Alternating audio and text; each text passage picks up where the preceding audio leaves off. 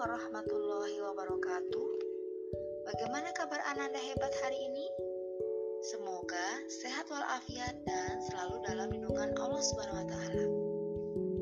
Pada kesempatan pembuatan uh, podcast kali ini, insya Allah saya akan memaparkan tentang mekanisme pernapasan. Respirasi atau pernapasan dilakukan setiap saat, diatur oleh sistem saraf otonom atau saraf bawah sadar. Udara dapat masuk atau keluar tubuh karena adanya perbedaan tekanan udara. Mekanisme masuknya udara dari luar ke dalam paru-paru disebut inspirasi. Sedangkan proses keluarnya udara dari dalam paru-paru disebut ekspirasi. Keluar masuknya udara pernapasan ini melibatkan rongga dada, sehingga disebut pernapasan dada. Sedangkan yang menggunakan rongga perut disebut sebagai pernapasan perut.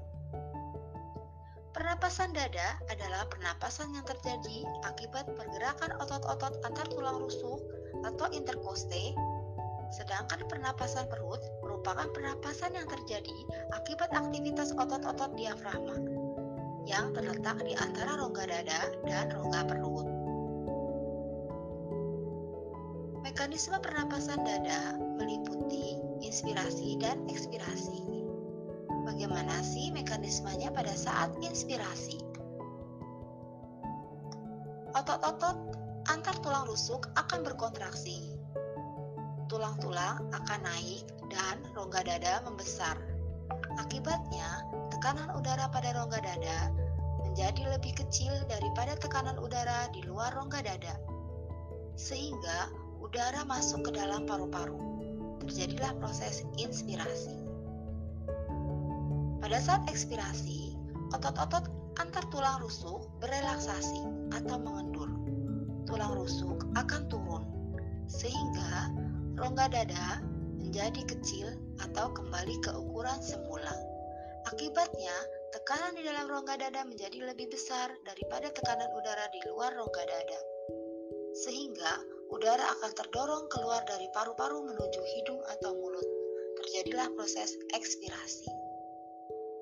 Bagaimana dengan pernafasan perut? Kita bahas ya. Untuk pernapasan perut, pada saat inspirasi, otot-otot diafragma akan berkontraksi. Posisi diafragma menjadi mendatar.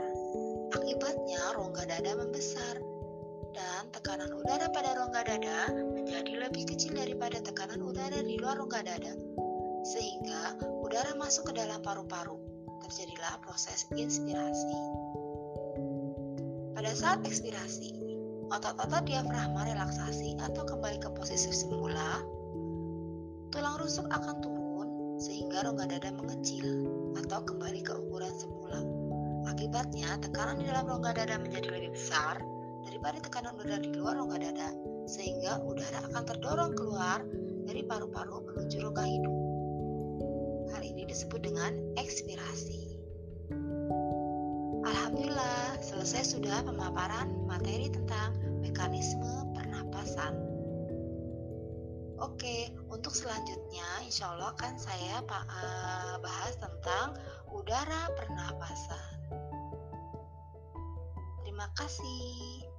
Wassalamualaikum warahmatullahi wabarakatuh.